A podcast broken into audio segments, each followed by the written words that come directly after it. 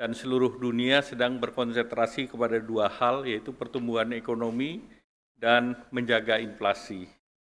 Nah, inflasi Indonesia di bulan Juli tercatat 3,08 persen dan ini jauh lebih baik dibandingkan beberapa negara G20 seperti India di 7,44 persen, Inggris 6,8 persen, Jerman 6,1 persen, Italia 5,9, Uni Eropa 5,3. Nah, kemudian tentu uh, bagi Indonesia beberapa hal masuk dalam capaian yaitu volatile food itu di angkanya minus 0,03 persen, kemudian administered price masih 8,42 persen dan didominasi oleh transportasi, namun inflasi inti tetap terkendali di angka 2,43 persen. Dan ini uh, hasil sinergi kuat antara pemerintah pusat, Bank Indonesia, pemerintah daerah, TPIP dan TPID dengan kebijakan 4K, yaitu tentu uh, untuk menjaga keterjangkauan harga, ketersediaan pasokan, kelancaran distribusi, dan komunikasi yang efektif. Kemudian Bapak Presiden menegaskan bahwa kita harus menjaga terhadap tantangan super El Nino ke depan dan cadangan pangan pemerintah, baik itu di pusat dan juga Bapak Presiden mengingatkan daerah juga untuk menjaga cadangan dan neraca di daerah masing-masing. Dan saat sekarang salah satu yang uh, menjadi uh, kritis adalah uh, terkait dengan beras. Namun posisi cadangan beras pemerintah per Agustus itu sebesar satu setengah juta ton. Jadi relatif cadangan beras aman dan masih ada sekitar uh, 400 sampai 500 ribu yang bisa uh, diadakan sampai akhir tahun. Dan tadi Bapak Presiden menyatakan bahwa program uh, pangan akan dilanjutkan untuk 21,35 juta KPM berupa bantuan beras sebesar 10 kg per KPM per bulan. Dan ini akan dilakukan di bulan September, Oktober, dan November. Jadi ini maju satu bulan. Kemudian eh, realisasi belanja kementerian lembaga terkait inflasi sebesar 47,03 triliun atau 37,12 persen dari pagu 126,608 6,8 triliun yang terbesar antara lain Kementerian Sosial, SDM, dan Perhubungan. Dan selanjutnya Pak Mendagri mengeluarkan perman, Permendagri agar daerah bisa menggunakan belanja tak terduga di APBD. Dan kerjasama antar daerah yang didorong oleh Pak Mendagri ini dilaksanakan di 171, 171 eh, daerah, kerjasama antar daerah. Dan komoditas yang ditransaksikan adalah beras, cabai merah, bawang merah, cabai rawit, telur ayam rice. Dan ini terus didorong untuk eh, diperluas. Oleh karena itu selanjutnya kami persilakan Pak Gubernur BI. Terima kasih Pak Menko, Pak Mendagri, eh, kawan-kawan eh, sekalian saya tambahkan mengenai tiga hal. Satu tadi disampaikan oleh Pak Menko, eh, Bapak Presiden, eh, menyampaikan bahwa inflasi Indonesia adalah termasuk yang terendah di dunia. G20 bahkan lebih rendah dari negara-negara lain termasuk Argentina, Turki, bahkan India, eh, Uni Eropa maupun Amerika.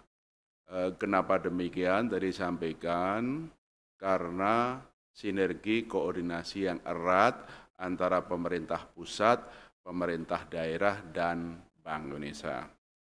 Di negara lain, kalau inflasi obatnya cuma satu, yaitu suku bunga bank sentral dinaikkan terus.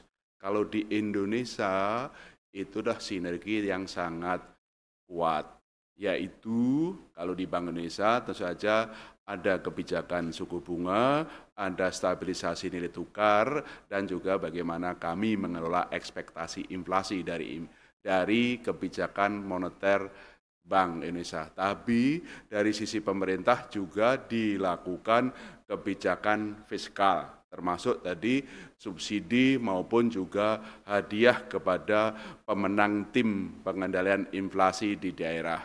Di pemerintah juga ada koordinasi tim pengendalian inflasi pusat dan daerah yang Pak Menko Perekonomian sebagai ketuanya dan ini setiap Senin Pak Mendagri juga ngecek sehingga ini adalah ciri khas Indonesia. Kenapa keberhasilan Indonesia mengendalikan inflasi terbaik di dunia karena koordinasi yang sangat erat kebijakan moneter Bank Indonesia, kebijakan fiskal pemerintah dan Gerakan Nasional Pengendalian Inflasi Pangan yang dikomandoi komandoi oleh Pak Menko Perekonomian sebagai Ketua Tim Pengendali Inflasi eh, Pusat. Itu tuh nomor pertama.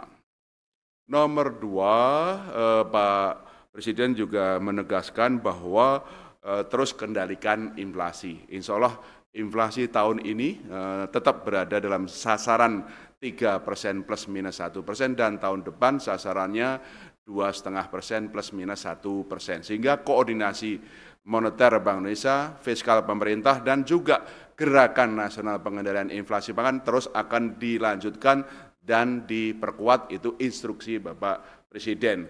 Nomor tiga, secara khusus Bapak Presiden memberikan lima arahan penting untuk bagaimana mensukseskan gerakan nasional pengendalian inflasi pangan. Nomor satu adalah integrasi data, khususnya data pangan antar daerah.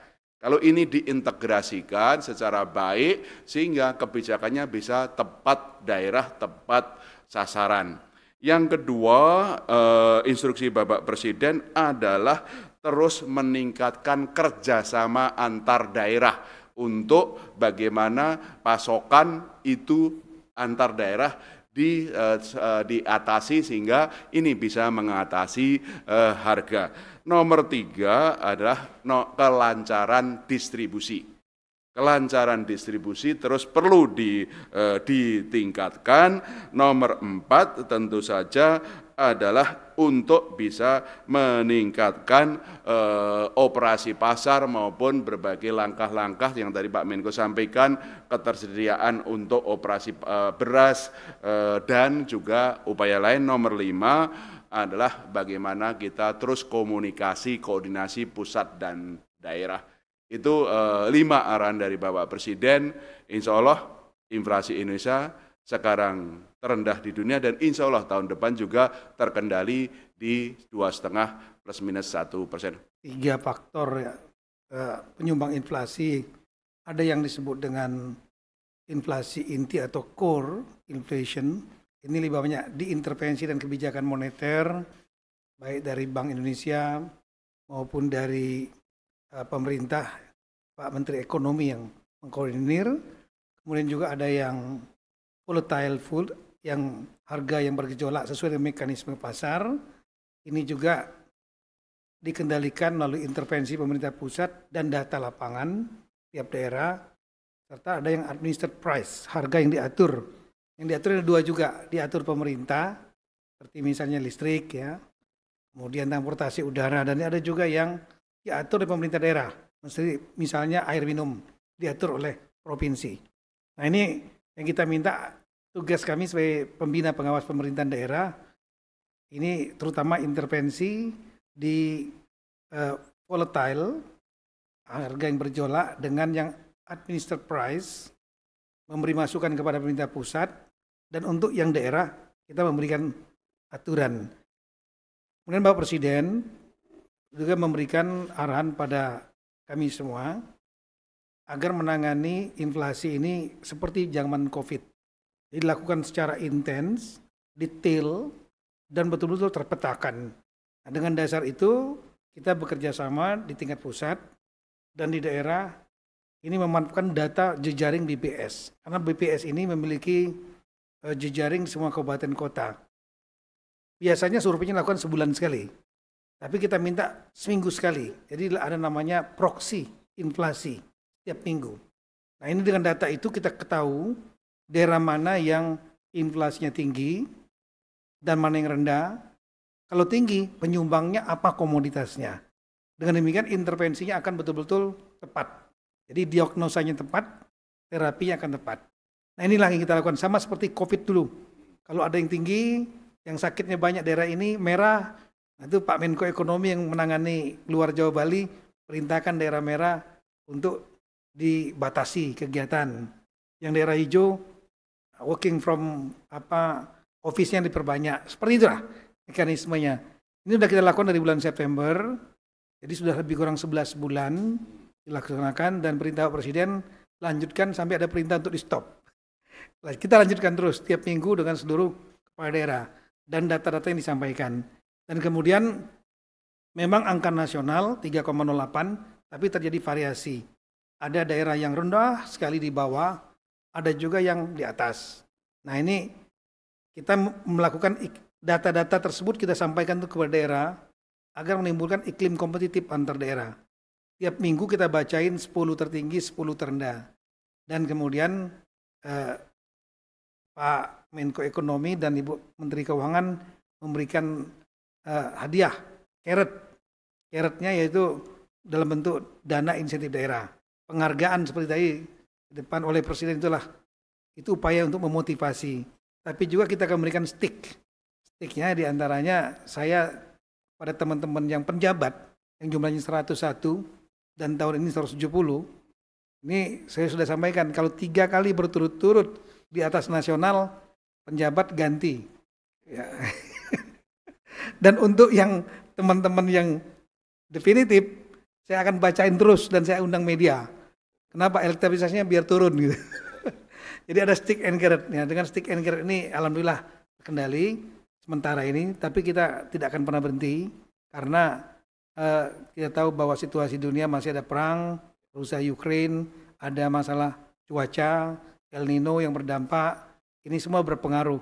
Ya, jadi kita akan terus kendalikan secara ketat. Terima kasih banyak kepada seluruh rekan-rekan pemerintah daerah telah berkontribusi.